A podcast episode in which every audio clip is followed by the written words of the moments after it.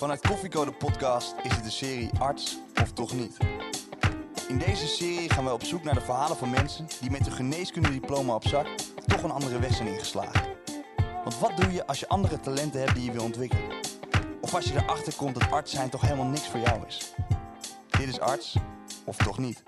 Ja, welkom bij een nieuwe aflevering van Arts of Toch Niet. In deze serie gaan wij in gesprek met mensen die met hun geneeskundediploma op zak uiteindelijk een andere weg ingeslagen zijn. Wij zijn Noor En Olivier. en vandaag zitten bij ons aan tafel niet één, maar twee inspirerende gasten. Jules van der Reek en Machteld van Egmond. Die beide een opleidingsplek tot medisch specialist hebben afgeslagen om vervolgens hun hart te volgen naar een ander vakgebied. Jo en Machteld, welkom in, eh, bij ons aan tafel bij Koffieco. En in deze bunker van het, eh, van het AMC. En voordat we de diepte ingaan over eh, allerlei dingen die jullie al hebben meegemaakt, vroeg ik me toch af hoe het nou is om een keer achter een microfoon met een koptelefoon op je hoofd eh, plaats te nemen. Dus hoe voelt dat, eh, Machteld? Ja, nieuw. Nieuw voor mij de eerste keer, maar eh, wel een heel leuke ervaring. Bedankt voor de uitnodiging. Leuk om hier te zijn. Graag gedaan. En Jules, was het jou, is het voor jou ook de eerste keer? Of, eh? Voor mij is dit ook de eerste keer en eh, nee, helemaal leuk. Leuk, nou leuk dat jullie er zijn. Jules, in 2021, een hele lange tijd terug, mailde jij ons al met een, eh, de mooie boodschap dat je zoveel eh, gehad hebt aan deze serie, de serie Arts of Toch Niet. Eh, omdat je enerzijds met veel twijfels zat tijdens je periode als, als artsassistent in het ziekenhuis. En anderzijds had je ook het gevoel als dat je de enige was met deze twijfels. Kan je wat meer vertellen over deze periode? Ja, nee, zeker. Ehm, even denken, het is inmiddels alweer bijna tien jaar geleden. Dus nu, hè, nu is dat eigenlijk al, ligt die periode best wel achter me. Maar toen ik mijn opleidingsplek ja, een soort van inleverde eigenlijk, zat iedereen echt in die rat race. Hè? Het was net na de kooschappen. Ehm, iedereen ging voor die opleidingsplek. Al mijn vrienden. Ik, ja, je hebt, ja, ik denk dat jullie dat misschien herkennen. Bijna heel je vriendengroep bestaat uit artsen. Die waren, zaten allemaal in dezelfde fase. Ja, ik had die opleidingsplek en ik, ja, dat voelde eigenlijk heel raar, denk ik, ja, om die terug te geven. En ook van, ja, wat ga je dan doen? Iedereen had echt een, ja, iets heel anders voor ogen. En eh, ja, ik voelde me daar eigenlijk wel ongeveer de enige in. Eh, later heb ik natuurlijk Machtel te leren kennen. Dat is ook de reden dat we hier nu samen zitten. Dat vond ik heel waardevol. Ik denk in, toen in die tijd had ik er heel veel aan gehad. Als ik een paar mensen had gehad, misschien waar ik eens een keer mee kon sparren. Van, goh, eh, wat doet dat met je? Hè? Dat je die... eh, dat je niet die specialistenplek gaat, eh, dat je daarin verder gaat. Ja, hoe dan verder eigenlijk? En had je, eh, want je vertelde dat je al eerdere aflevering had geluisterd van de serie Ja. Arts of Toch Niet. Ja. Wat was nou hetgeen waardoor jij dacht van, hé, hey, hier heb ik wat aan en heeft me- misschien mogelijk je, je keuze bepaald? Nou, ik, kijk, in die tijd dat ik, dat ik ging stoppen, hè, toen, toen ben ik ook wel eens in, eh, heb ik een keer eh, een paar gesprekken met een psycholoog gehad. En die was er vooral mee bezig van, oké, ik ga je zorgen dat jij weer in die opleidingsplek verder gaat. En ja, als ik er nu op terugkijk, heb ik die, had ik die keuze eigenlijk al lang gemaakt. Ik wilde dat niet. Maar ik had gewoon iemand nodig die me, ja, waar ik mee kon sparren van, hoe ga je nu verder? En dat was eigenlijk wat ik heel erg terughoorde bij die podcast. Hè? Mensen die eigenlijk hetzelfde, in dezelfde fase, ja, met wat lastige dingen zitten. Ik vond dat heel waardevol. En ik denk dat ik daar in die tijd meer aan had gehad dan gesprekken met, ja, met een psycholoog of met, eh, met iemand die niet precies weet hoe dat eigenlijk voelt. En Machteld, eh, ook jij hebt een eh, opleidingsplek eigenlijk afgewezen. Maar in tegenstelling tot de dermatologie bij Jules, opleiding tot KNO-arts. Hoe ging dit bij jou in zijn werking? Nadat ik klaar was met geneeskunde, ging promoveren bij de KNO in het Radboud in Nijmegen. En in die tijd deed dan een promotieonderzoek. Dat was gekoppeld aan een opleidingsplek. Dus na zoveel jaren onderzoek zou je dan beginnen met de opleiding. En voor mij verliep dat proces eigenlijk heel organisch. Ik was bezig met mijn onderzoek en ik vond dat superleuk. En in die tijd heb ik Jill leren kennen, want we waren ook allebei bezig toen met de master epidemiologie.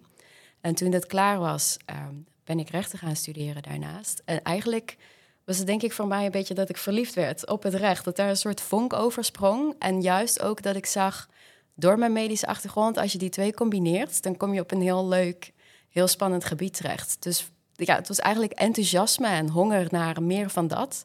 Dat maakte dat ik dacht, ik ga die richting op. En wat was nou hetgeen binnen, binnen de rechten wat, wat dat vonkje bij jou eh aanwakkerde? Wel, ik kan me voorstellen dat je dat vraagt. Want ehm, ja, het lijken misschien op het eerste ook toch wel eh, heel verschillende gebieden. En dat is misschien ook al zo. Maar ik vond het juist leuk om vanaf een heel andere kant naar dingen te kijken. Dus wat ik bij recht bijvoorbeeld merkte, is dat je daar toch...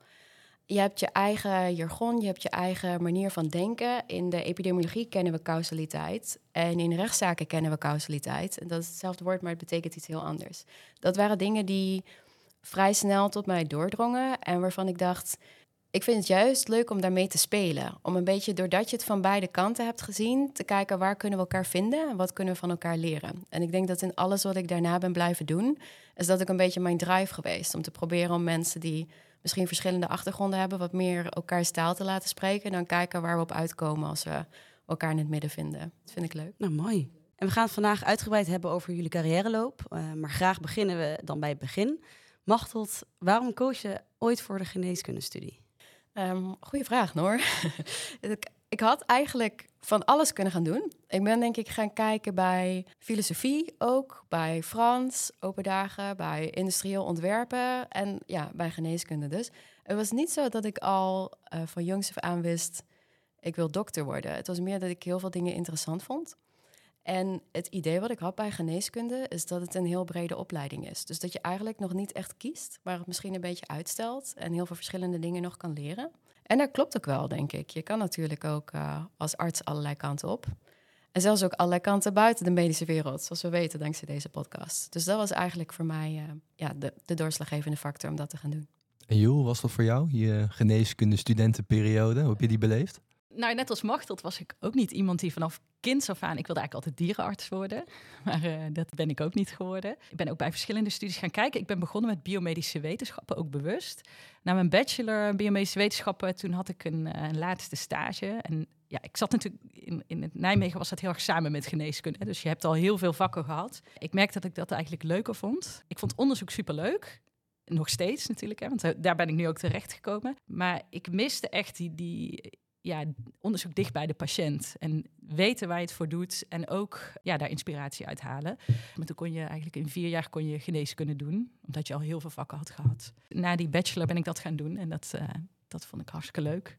En, toen en toen je aan die studie begon, had je toen nog steeds de overtuiging van dit is het voor mij? Of had je eigenlijk ja. misschien al in je, een stemmetje in je achterhoofd die zei van nou, ik ben hier niet helemaal op mijn plek? Tijdens de studie nog niet eigenlijk. Ik vond het hartstikke leuk. Ik heb altijd heel veel interesse, uh, nou ja, gewoon in het medische gehad. Hè. Of dat nou diergeneeskunde was of iets anders, maar gewoon het medische en mensen helpen. Ja, dat, dat ligt er vooral onder. Nee, tijdens die opleiding, nee, dat vond ik alleen maar hartstikke, ja, ik vond alles interessant. Nog steeds, ja.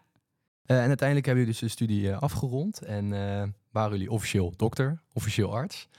Hoe zag die uh, periode er vervolgens uit? En wanneer had je nou voor het eerst die het gevoel van, hmm, ik twijfel, dit is niet helemaal iets wat ik voor ogen had? Ja, ik denk dat voor mij het wel een proces is geweest. In die zin dat ik wist dat ik rechten heel leuk vond. En ook wist dat ik door wilde gaan met de opleiding. Dus ik begon eigenlijk met twee losse vakken als contractcursist. En toen ben ik de volle bachelor gaan doen. Ik heb ook de volle master gedaan. Dus ik wist al dat ik ermee door wilde gaan.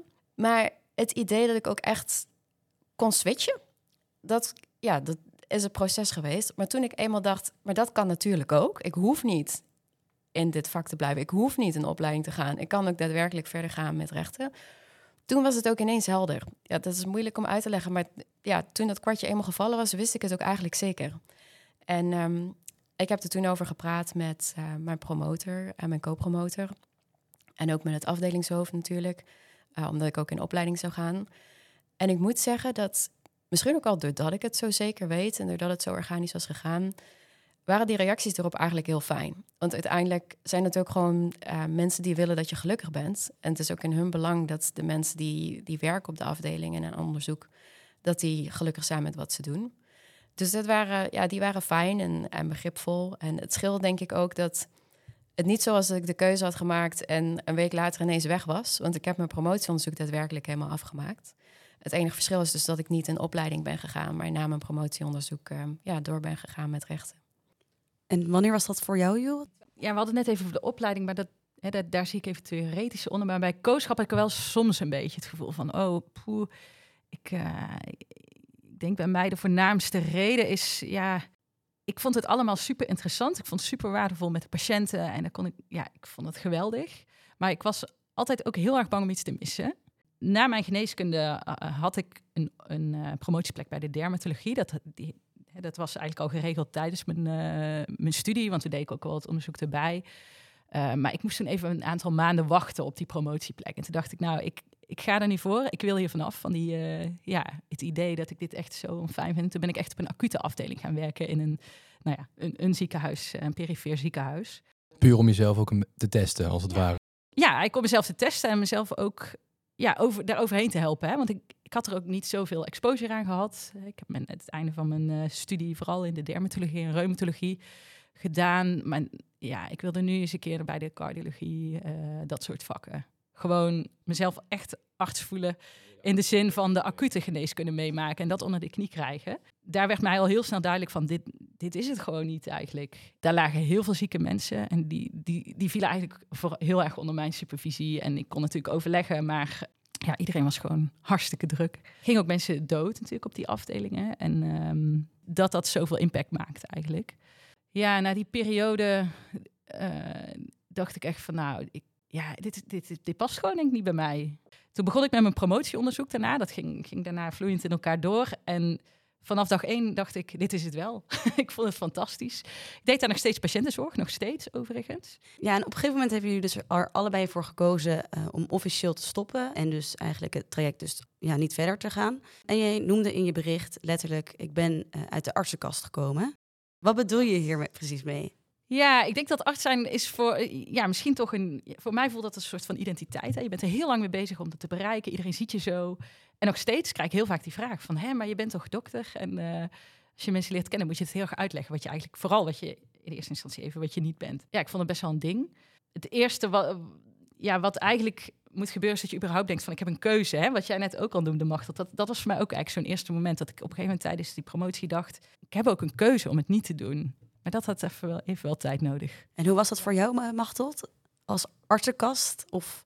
Wel, ik denk dat je die artsidentiteit misschien ook altijd wel een beetje bij je houdt. In zekere zin, ook als je geen patiënten meer ziet of behandelt. Ik merk nu ook in het werk dat ik doe als advocaat... kun je soms toch ook nog een beetje van, van pet wisselen. Misschien naar een zaak meer kijken vanuit de medische kant. En dat verrijkt het werk alleen maar. Het is, het is heel handig ja, ik, heb, ik voel ook nog steeds uh, verwantschap met het vak, min of meer. Dus ja, en het was denk ik ook dat je al op het moment dat ik die keuze heb gemaakt om niet een opleiding te gaan, had ik natuurlijk al een vrij duidelijk ander traject voor ogen. En dat is misschien een andere situatie dan waar Julian zat. Dat je bezig bent met dat traject en ook denkt, ja, maar als het niet arts is, wat dan wel? Dat je je dan afvraagt, wat komt er voor in de plaats? En hadden jullie ook het gevoel dat je die twijfels en die... Uh nou, een beetje dat, dat onrustige gevoel van binnen, omdat je dacht, nou, ik weet niet of ik hierin door wil gaan. Kon je dat ook bespreken met de mensen om je heen? En zo ja, met wie, met wie zocht je contact op dat soort momenten? Ja, de mensen op, de, ja, op mijn afdeling niet zozeer. Ja, na een jaar had ik ook een officieel een opleidingsplek. Ja, je hebt ook het gevoel dat je dan niet eigenlijk met die, uh, die twijfels te koop loopt of wil lopen. Maar wel met mijn ouders heb ik er veel over gehad. En uh, die hadden ook heel, heel snel door. Die zeiden ook van, volgens mij heb je je keuze al lang gemaakt. En uh, dit is gewoon duidelijk. En mag dat jij het gevoel dat er ook meer mensen om je heen waren die met dezelfde nou, twijfels zaten als jij? En die het misschien wat minder duidelijk maakten, maar toch intrinsiek dachten van hm, ik weet niet of dit het helemaal voor mij is. Het grappige is dat toen ik de keuze maakte en dat ook uh, besprak met meer mensen, dat er ook mensen naar me toe kwamen en zeiden: Goh, ik, ik zit er eigenlijk ook mee. En hoe, hoe ben je dan tot die beslissing gekomen? Wat gaf voor jou de doorslag? Dus dat, ja, dat soort verhalen zijn er denk ik heel veel. En het is alleen maar goed om daar met elkaar over te praten. Ik heb er zeker ook over gesproken met mensen, ook met um, familie en vrienden. En dat, dat zou ik ook zeker aanraden, mensen die het beste met je voor hebben, om die in vertrouwen te nemen. Want als iets twijfel alleen maar in je hoofd blijft zitten, dan ga je malen. En soms kom je dan eigenlijk nergens, blijf je in kringetjes denken. Terwijl als je het bespreekt met iemand anders, dan worden dingen soms duidelijker. En ik denk dat de mensen die mij goed kennen ook helemaal niet verbaasd waren toen ik dit, met ze besprak. Ja, welke, wat voor reacties kreeg je? Ja, nou wat ik zeg, ik denk dat ik daar geluk mee heb gehad. Eigenlijk heel fijne. Dus voor mijn ouders en, en mijn familie en vrienden was het niet echt een verrassing. Dus ik denk dat mensen het zich goed konden voorstellen dat ik dit ging doen. En ik had ook prettige bazen, dus dat scheelt, denk ik. Ook mensen die zeiden, nou ja, ik, ja, ik kan me voorstellen, natuurlijk is het jammer, maar ik kan me voorstellen dat dit iets is wat je leuk vindt. En dan moet je daarvoor gaan. Ik geloof dat het een van de opleiders was die ehm, letterlijk tegen me heeft gezegd toen: Kijk, ook als je specialist bent, KNO-arts in mijn geval, dan kun je nog heel veel andere dingen daarnaast doen.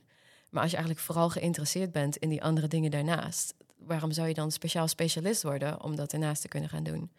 Dus ik denk dat het alleen maar goed is als je zo'n gevoel hebt om daar ook op te reageren en iets mee te doen. En Jules, waarom, waarom denk je dat mensen toch niet zo snel geneigd zijn om erover te praten als ze met twijfels zitten. Want wat Machteld vertelde, dat moment dat zij eigenlijk naar buiten bracht van, nou, ik ga het, ik ga het toch niet doen, dat er ineens mensen naar haar toe kwamen van, hé, hey, ik heb eigenlijk dezelfde twijfel. waarom is dat, denk je? Uh, nou, dat, dat wat jij meegemaakt hebt, mag dat herken ik ook heel erg. Hè? Dat er daarna in één keer, toen, ik, toen het duidelijk was, dat, dat ik inderdaad nog steeds wel eens met mensen daar gesprekken over heb. En dat vind ik ook heel ja, fijn eigenlijk. Ja, waarom mensen daar niet over kunnen praten. Ik denk dat heel veel mensen toch, wat, wat wij dan ook een beetje hebben gehad, dat je heel lang denkt, ik zit in die trein en ik, ja, je, gaat er, je gaat erin door of zo. Dat het bijna niet kan dat je eruit stapt. En dat iedereen zegt van ja, ik, ik, ik heb ook wel eens het idee van oh, ik vind het, uh, ja, het is niks voor mij. Of uh, heel veel mensen zeggen dat natuurlijk wel eens een beetje tussen neus en lippen door, maar meer van ja, niet serieus, denk ik. En is dat iets typisch voor een geneeskundestudent, denk je? Of zal het binnen de andere expertises ook zo zijn? Ik denk dat het bij geneeskunde wel heel erg is van, omdat, omdat je er ook best wel veel nou ja, je werkt er gewoon heel hard voor hè, om het te worden. Ik weet niet, nou ja, Macht, jij weet dat beter. In, in de advocatenwereld is het misschien net zo, maar... Ik denk dat het iets menselijks is ook. Dat proces waarin je op zoek gaat naar wat je wilt... en waarin je dat soort twijfels verkent, dat is ook, kan ook confronterend zijn. Ja. En je bent misschien ook bezig met dat wat je achterlaat, wat een heel specifiek plaatje is. Je hebt een plaatje in je hoofd van welke kant het op gaat en dat je een specialist gaat worden en wat je dan gaat doen. En je bent ermee bezig dat je dat achterlaat en niet zo goed weet wat er voor in de plaats komt. Dus het is ook best moeilijk om daarmee bezig te zijn. En dan al helemaal misschien moeilijk om daarover te praten. Want dat maakt dingen ook meteen heel concreet. Het maakt het, ja, het maakt het concreet. En uh, ik had ook een beetje het gevoel, als ik het nu echt heel hard duidelijk uitgesproken heb, kan ik ook nooit meer terug. Dan kan je ook niet meer terug. Nee, dat kan ik me voorstellen. Want inderdaad, ik kan me goed voorstellen dat het ontzettend lastig is om na misschien wel een lange periode een definitieve keuze zoals dit uh, te maken. En dus te stoppen als arts. Nou, in jouw geval niet, uh, Joel. Maar hoe voelde het op dat moment dat de kogel door de kerk was? Hoe voelde dat voor jou? Ja, ik vond het heerlijk. Ja, ja ik was daar eigenlijk, was echt een opluchting. neem niet weg dat ik daarna nog wel, dat ik natuurlijk nog steeds wel eens uh, ja, lastig vond. Ook in het begin nog wel eens twijfelde. Vooral omdat mensen dan zeiden van, goh, is het niet jammer? Hè? En is het niet iets tijdelijks? Of, uh, is het niet zonde? Weet je het zeker? Is het niet zonde? Ja, ook het afdelingshoofd heeft toen nog een paar keer gevraagd van, goh, weet je het wel zeker? En uh, het is toch best wel jammer eigenlijk. Ik was op een gegeven moment blij dat het niet meer, überhaupt niet meer werd gevraagd. Dat ik dacht, ik, ik hoef daar helemaal niet meer over na te denken, want ik wil dit helemaal niet. Nou, wel fijn dat het een oplichting uh, was. Over jou, Machtel? Heel veel mensen kwamen naar me toe en zeiden, was geen moeilijk besluit. Maar net wat ik zei, het was eigenlijk toen de keuze gemaakt was, juist een heel uh, makkelijk besluit, omdat ik, omdat ik me er zeker over voelde. En ik denk zelfs in de twijfelfase, als je nog niet zeker bent kan het helpen toch om het uit te spreken. Dan met familie of vrienden, mensen dichtbij je die je in vertrouwen kan nemen. Want dat geeft je steun zelf ook om wat helderder te krijgen waar het precies is dat je tegenaan loopt en wat het dan is dat je zou willen. Dus dat zou ik zeker aanraden. Ja. En, en wat zouden jullie voor advies geven aan mensen die kampen met dezelfde twijfels die jullie ooit hebben gehad? En die er eigenlijk niet voor durven uit te komen? Praat, praten met mensen die je vertrouwt is natuurlijk gewoon het allerbeste. Hè? Want kijk, ik wist eigenlijk voor mijn gevoel, dacht ik, dit is het gewoon niet. Hè. Ik wist dat gewoon heel zeker uh, op een gegeven moment. Er zijn natuurlijk ook mensen die heel erg twijfelen, maar waarbij, waarbij er dingen wel zijn op te lossen, waardoor je misschien toch wel heel gelukkig wordt in het, uh, als medisch specialist of, als, uh, of in een ander vak. Dus ik denk dat dat het allerbeste is eigenlijk. Ja, ik vraag me ook altijd af, want je hebt natuurlijk superveel keuzes uiteindelijk. Als je als geneeskundestudent begint aan een studie, je, je doorloopt je kooschappen, dan zijn er wel honderden verschillende opties die je kan kiezen. Maar, maar hoe weet je eigenlijk wat, wat bij je past? Of is dat eigenlijk meer een soort loterij waarin je terechtkomt? Ja, bij mij voor was dermatologie wel echt. Dat was nog steeds. Ik vind dat een super interessant vak. Ik weet nog dat ik mijn kooschappen inging en dat ik ook zei van, nou, elke keer als ik die deur open doe, dacht ik alleen maar, wat is hier aan de hand? Ik wil het weten. En ik vond het, ik vond het echt geweldig. Ik merkte heel erg van, ik pas bij uh, dermatologen of zo. Hè? Ik, ik voel me heel erg verbonden met, met die club. Dat was bij mij denk ik doorslaggevend interesse en je thuis voelen bij uh, een bepaald type. En Machtel, jij had eigenlijk heel veel dingen die je leuk vindt. En volgens mij nog steeds heel veel dingen die je leuk vindt. Hoe bepaal jij nou voor jezelf welke, welke weg je inslaat? Ik denk dat dat dingen zijn die je uiteindelijk toch niet echt kan beredeneren. Dus dat moet je ervaren. En wat dat betreft is geneeskunde een super mooie studie. Want met de kooschappen kom je natuurlijk al op zoveel plekken. Dat je ook echt het verschil een beetje kan voelen. En dat je een kijkje in de keuken kan nemen overal. Dus dat is een heel mooie kans, denk ik, om om zelf te ervaren en te beseffen, oké, waar voel ik me het meeste thuis?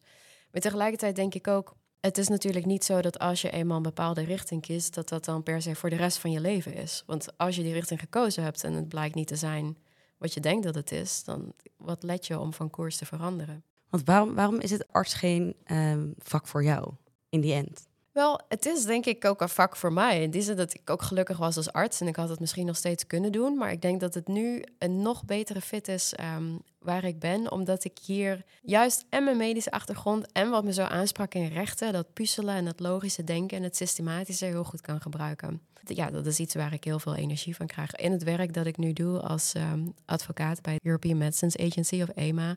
Um, daar houden we ons natuurlijk bezig met de goedkeuring en beoordeling van medicijnen. En op de juridische afdeling hou ik me specifiek bezig met de regelgeving daarvoor. En je kan echt merken dat dat gewoon het grensvlak is tussen die twee. Dus het gaat om bepaalde juridische vragen die je kan krijgen. Misschien uitleggen over een bepaalde wettekst of um, vragen of bepaalde dingen kunnen, ja of nee. Maar dat heeft altijd een feitelijke medische context. Dus die twee raken elkaar heel erg. En dat is waar ik zelf energie van krijg. En wat heeft de studie geneeskunde jou gebracht in het werk wat je nu doet? Geneeskunde, dus dokter zijn en advocaat zijn, is natuurlijk toch allebei een beetje een servicegericht beroep. Dus je hebt een patiënt waarmee je praat of je hebt een cliënt waarmee je praat. In die zin zijn er ook wel in het werk als professional, als medisch professional of juridisch professional, heb je best wel overeenkomsten. En ik denk dat geneeskunde me echt gevormd heeft als persoon. Ik had ook meteen na de middelbare school rechten kunnen gaan doen, maar dan was ik een andere advocaat geweest. Dus wie ik nu ben als mens en als professional, dat is daar zeker door gevormd. En kan je een voorbeeld noemen? Ik denk dat wat je bij geneeskunde merkt in het contact met patiënten, is dat er vaak toch een vraag achter een vraag kan zijn. Niet? En dat het ook een, ja, een kwestie is van vertrouwen opbouwen met een patiënt en, en goed luisteren en kijken naar non-verbale communicatie. Kijken waarom komt deze persoon nu bij mij met dit probleem en wat kan ik daar precies in betekenen. En ik denk dat dat een vaardigheid is die je ook zeker als uh, advocaat nodig hebt. Uh, om te kijken, oké, wat is precies de situatie van deze cliënt? Dus een van de vragen die je ook veel krijgt, denk ik, voor mensen in de situatie van... joh, maar heb je geen spijt? Maar nee, dat, dat, heb ik niet, want ik zie het niet als verloren tijd. Ik denk dat echt elke ervaring die ik heb gehad nu toe... is een soort bouwsteentje geweest om te komen waar ik nu ben. En hoe, hoe ben je bij de EMA gekomen? Om het uh, verhaal voor de luisteraar compleet te maken, ik ben um, rechten gaan doen eigenlijk in parallel aan mijn promotieonderzoek. En toen was mijn promotie klaar en rechten klaar. En toen ben ik naar Amerika gegaan, aan Harvard Law School, om daar een master te doen die echt een beetje gericht was op de combinatie, op health en food law policy. Toen ben ik gaan werken voor um, het Europese kantoor in Brussel van een Amerikaans advocatenkantoor. Waarbij we specifiek life sciences deden. Dus dat wil zeggen geneesmiddelenrecht, uh, maar ook food en cosmetics. En voor die geneesmiddelenvragen werkten wij ook veel met uh, bedrijven die procedures hadden lopen bij EMA. Dus zo kende ik EMA al. Ik wilde graag ook weer iets in Nederland doen. En EMA was eigenlijk um, de perfecte plek voor mij. Dus dat is hoe ik er ben gekomen. En Jul, jij bent nu uh, arts, uh, epidemioloog en doet onderzoek binnen de dermatologie. Waarom past het doen van onderzoek nou beter bij jou? En kan je iets meer vertellen over wat je precies doet binnen je onderzoek in de dermatologie? Ik vind het heel leuk om op een heel de diepte in te gaan. Ik merk nu ook, nu ik dat kan bij, omdat ik wat, hè, ik doe nog wel wat patiëntenzorg, maar dat is een hele specifieke populatie. Uh, ook juist de wat complexere patiënten. In uh, psoriasis, toch? Ja, dat, uh, daar ben ik op dat onderwerp ben ik gepromoveerd. Psoriasis is een, is een huidziekte die ontzettend veel voorkomt. En toen ik begon met mijn promotie, waren er net de biologics, nou ja, een paar jaar daarvoor waren de biologics op de markt gekomen. Het zijn hele, ja, nou ja, wat complexere moleculen die nou, de, eigenlijk de hele dermatologie heel erg veranderd hebben. Merk ik dat ik dat super interessant vind. En met onderzoek kan je natuurlijk ook, je kunt iets echt helemaal uitzoeken. En uh, ja, wat ligt er nou ten grondslag aan?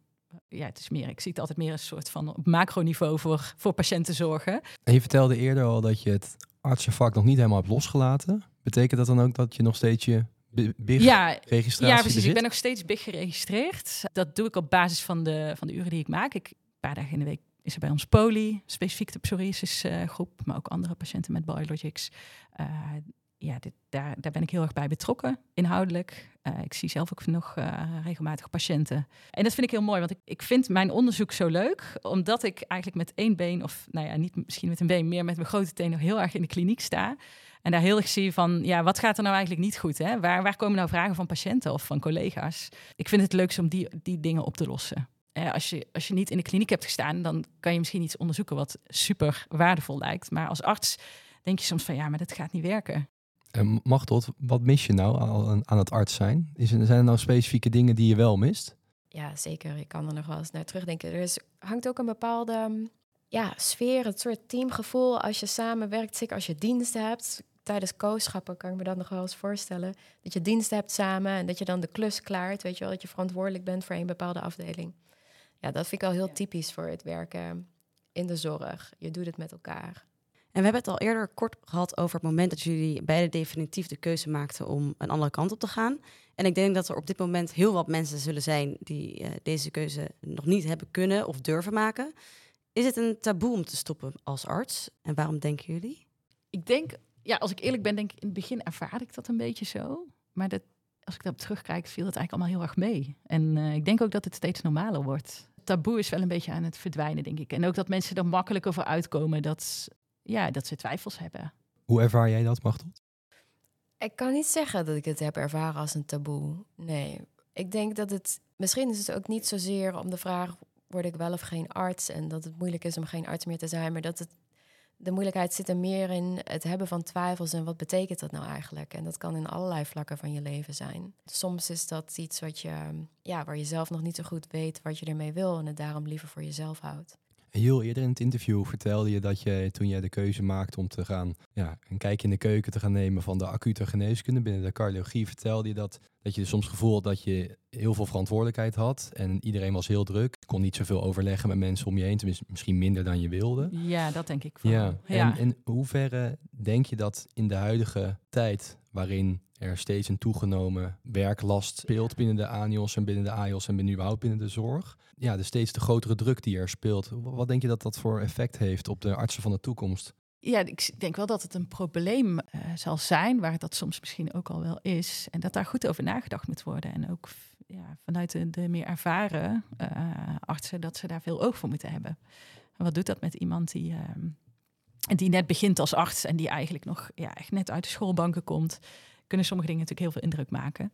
Is daar denk je genoeg oog voor op dit moment? Nou ja, bij mij is dat tien jaar geleden. En ik had ook wel van vrienden die, die hadden daar misschien minder last van. Maar hoorde ik wel een beetje vergelijkbare verhalen. Ik denk dat bijna iedereen dat wel weet die eh, ervoor heeft gestaan. Want hoe kijken jullie naar de medische cultuur aan zich? Denk hierbij aan de mate van een veilige leeromgeving of ja, de waardering door artsen in opleiding vanuit patiënten en supervisoren. Ja, ik denk dat het wel allemaal een beetje verandert. En misschien ook wel vanuit de patiënten. Hè, dat er, uh, iedereen wordt een stuk mondiger. En ergens is het natuurlijk ook heel goed en belangrijk. Maar het maakt je als arts wel eens kwetsbaarder, denk ik. En je moet daar wel jezelf tegen kunnen weren. En het zou goed zijn, denk ik, om daar in de opleiding ook al wat meer uh, misschien aandacht aan te besteden. Ik weet ook niet of, zo goed of dat nu eigenlijk gebeurt. Ik heb wel het idee dat er veel meer aandacht is voor een veilige, veilig leerklimaat. Dat zie je overal terug. En een aantal jaar geleden publiceerde Medisch Contact een artikel waarin onderzocht werd dat, uh, ja, wat het nu kost om een medisch specialist op te leiden. En dit loopt soms wel al gauw op tot in de honderdduizenden euro's per individu. Krijg je er wel eens kritiek dat het stoppen erg zonde is geweest uh, vanwege de financiële component? Die uh, vraag heeft mij zelf nooit bereikt, maar ik denk dat het ook um, ja, ik kijk er ook niet op die manier naar dat je het allemaal weggooit, alle kennis en ervaring die je hebt opgedaan. Zoals ik al zei uh, eerder, denk ik dat je dat toch nog steeds meeneemt en dat je dat ook altijd bij je draagt. En wat Julia voor zei, dat herken ik ook wel, dat je ook het gevoel hebt dat je daadwerkelijk nog steeds bijdraagt aan de zorg. Dat je toch ook, ook nu bij EMA, eigenlijk mijn werk daar als advocaat, is ook zorgen dat wat EMA doet in overeenstemming is met de regelgeving. En die is er juist ook op gericht om te zorgen dat de medicijnen die we hebben veilig zijn en werkzaam zijn. Uh, dus op die manier lever je toch je bijdrage aan de zorg, maar meer op een macroniveau. En ik denk dat dat ook heel belangrijk is. Weggegooid geld is het dus in ieder geval niet. Nee, zeker niet. Nee. En joh, als je nu hindsight terugkijkt hè, op de periode die je nou, de afgelopen jaren hebt meegemaakt, heb je nou ooit wel eens spijt gehad dat je überhaupt begon met de studie geneeskunde? Had je niet liever een toch voor de dierengeneeskunde of voor iets anders willen gaan? Nee, want ik ben echt heel gelukkig in het werk wat ik nu doe. Ik vind het super mooi. Ik heb ook van die kooschappen ontzettend veel geleerd. Dat heeft, heeft me ook echt gevormd als mens. Hè. Dat is natuurlijk een unieke periode. Ik vind het nog steeds heel leuk om, om wel te dokteren. Nee, ik heb er absoluut geen spijt van. En, en als je nou ooit je studententijd opnieuw zou mogen indelen, zou het dan nog steeds een studie geneeskunde zijn of had je geswitcht naar een andere studie? Nee, ik denk Nee, ik heb hier vaker over nagedacht. Maar ik zou denk ik nog steeds hetzelfde traject hebben gedaan. En jij mag tot? Ja, ik kan me niet echt iets verzinnen uit het traject waarvan ik zeg, oh, dat had ik wel willen missen. Streep die maar door. Nee. Bij de zeker van de keuze toen tijd. Fijn, fijn om te horen. Machteld, zijn er ambities die je nog wil nastreven? Ja, ik uh, heb het nu heel erg naar mijn zin waar ik zit bij EMA als advocaat. En ik hoop dat ik daar uh, voorlopig nog kan blijven. Ik heb um, recent ook mijn eerste zaak gehad, mijn hoorzitting voor het Hof van Justitie van de Europese Unie in Luxemburg. En daar gepleit. En dat vond ik heel erg leuk. Dus dat is zeker een ambitie en hoop dat ik dat nog vaker kan doen in de toekomst. En Jul, waar zie jij jezelf over tien jaar? Ja, ik denk nog steeds als onderzoeker. Ook nog steeds op de poli bij de dermatologie? Misschien wel, dat ligt eraan. Ik, ik vind het ook fijn om het open te houden. Ik vind dat ook een... Ja, ik merk ook dat ik dat eigenlijk ook wel prettig vind. Dat ik het nog niet precies weet wat ik nou eigenlijk over 10 of 20 jaar doe. Maar als ik op de korte termijn denk, dan, dan ja, ben ik steeds meer bezig met de duurzaamheid binnen de zorg. Er zijn uh, steeds meer zorgprofessionals mee bezig omdat we weten wat een, wat een ziekenhuis aan uh, footprint heeft. Ik heb nu ook een green team en uh, merk dat, dat ik een keer zoiets heel anders ook ontzettend leuk vind. En vooral ook heel waardevol, omdat dat iets is wat uiteindelijk de grootste bedreiging voor de volksgezondheid gaat zijn. Dus dat vind ik een, ja, dat interesseert me heel erg. En daar zou ik graag een steentje bijdragen aan uh, als wetenschapper. En, en Machtot, stel je um, kleine neefje die komt naar je toe en die is aan het twijfelen om te beginnen aan de studie geneeskunde. Welke tips zou jij hem dan geven waar hij mogelijk later wat aan heeft wat jou mogelijk geholpen heeft in jouw carrière? Als hij naar me toe komt met wat voor een twijfel dan ook, of het nou over geneeskunde is of iets anders, zou ik denk ik zeggen, neem het serieus. Ik denk, um, net wat je zei, je zit in een trein en de trein rijdt wel door. Voor je het weet is er een week voorbij en een maand en een jaar. En het is heel verleidelijk om gewoon um, in die trein te blijven zitten. Maar mijn ervaring is dat als je twijfel hebt en je luistert er niet naar, dan gaat die niet ineens vanzelf weg. Dat blijft je toch bezighouden. En ik kan me wel voorstellen dat het ook niet altijd reëel is om te denken, nou, dan uh, gooi ik het roer compleet om en ik doe iets heel anders. Er kunnen allerlei redenen zijn waarom dat misschien niet gaat, financiële redenen of gezinsredenen. Maar ik denk, zelfs in die situatie kun je nog nadenken over binnen het bestaan dat ik nu heb, binnen de baan die ik nu heb, zijn er kleine veranderingen die ik kan maken om te zorgen dat ik me wat meer op mijn plek voel. Want ik denk, als je in die situatie zit, je bent ergens, je hebt twijfels je weet niet zeker of dit het is neem het serieus. Ik denk dat dat altijd kan. Dus dat je altijd kan nadenken, wat, wat zijn de mogelijkheden die ik heb. Ik vroeg me nog wel af, hebben jullie ooit een, een soort gouden tip gehad van een van de mensen die om je heen, of, of dat dan een supervisor is, of misschien een familielid of een vriend, die je tot op de dag van vandaag nog steeds onthouden hebt? Van, oh, fijn dat hij dat ooit tegen mij gezegd heeft. Ik heb wel een heel mooi verhaal eigenlijk van um, een mentor die ik uh, destijds had. En met haar heb ik ook gesproken over dat proces waar ik in zat.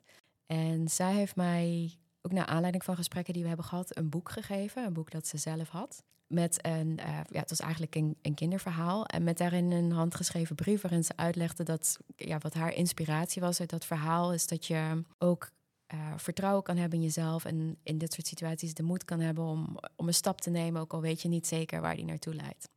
En ze heeft me toen gezegd: ik, ik geef dit nu aan jou omdat ik denk dat jij begrijpt wat ik ermee bedoel. Dat het je kan helpen en inspireren. En als jij in je leven ook een keer in de situatie zit waarin ik nu zit en met iemand anders spreekt die dat uh, doormaakt, dan kun je het boek weer doorgeven. En zo uh, de les doorgeven. En dat vond ik eigenlijk super mooi. Mooi gebaar. Mooi. Ja. ja. En we naderen nu ook dan het einde van, uh, van het interview alweer. over jullie inspirerende verhaal. Wat zouden jullie nog aan onze luisteraars, de jonge dokters, willen meegeven als tip? Ik denk voor de luisteraars eigenlijk um, ja, wat, we, wat we net ook hebben besproken. Dus als je dit gevoel hebt dat je misschien iets anders zou willen doen, neem het serieus. Maar ook, en dat is misschien iets wat nu nog niet aan bod is gekomen. Stel, je vraagt je af, wat is er eigenlijk nog meer buiten het ziekenhuis? Ik heb niet zo'n concreet plan, wat dan wel? Mijn ervaring is dat mensen die iets anders doen, dat vaak ook heel leuk vinden om daarover te sparren. En ik heb zelf heel veel gehad aan mensen die bereid waren om een keer een koffie met me te drinken en uit te leggen hoe een dagelijks leven eruit ziet. En ik doe dat zelf ook graag met mensen. Dus ik denk dat dat al iets is wat je misschien kan doen, gewoon om te verkennen wat is er nog meer. En dat zou ik zeker aanraden. Mooi tip. En Jules? Ja, dat ook inderdaad. Ik denk dat bijna iedereen die nou ja, iets anders is gaan doen, het, het altijd prima vindt als mensen vragen. En ik denk ook dat, je, dat het goed is om je, om, wat je dan wel heel interessant vindt of waar je jezelf super fijn bij voelt, dat je dat uit. Ik had ook nooit, ja, ik heb ook een baan die, hè, het is een bestaande baan natuurlijk, maar het is niet iets wat heel duidelijk is van, oh, je doet 20% zorg, uh, eh, 80% onderzoek.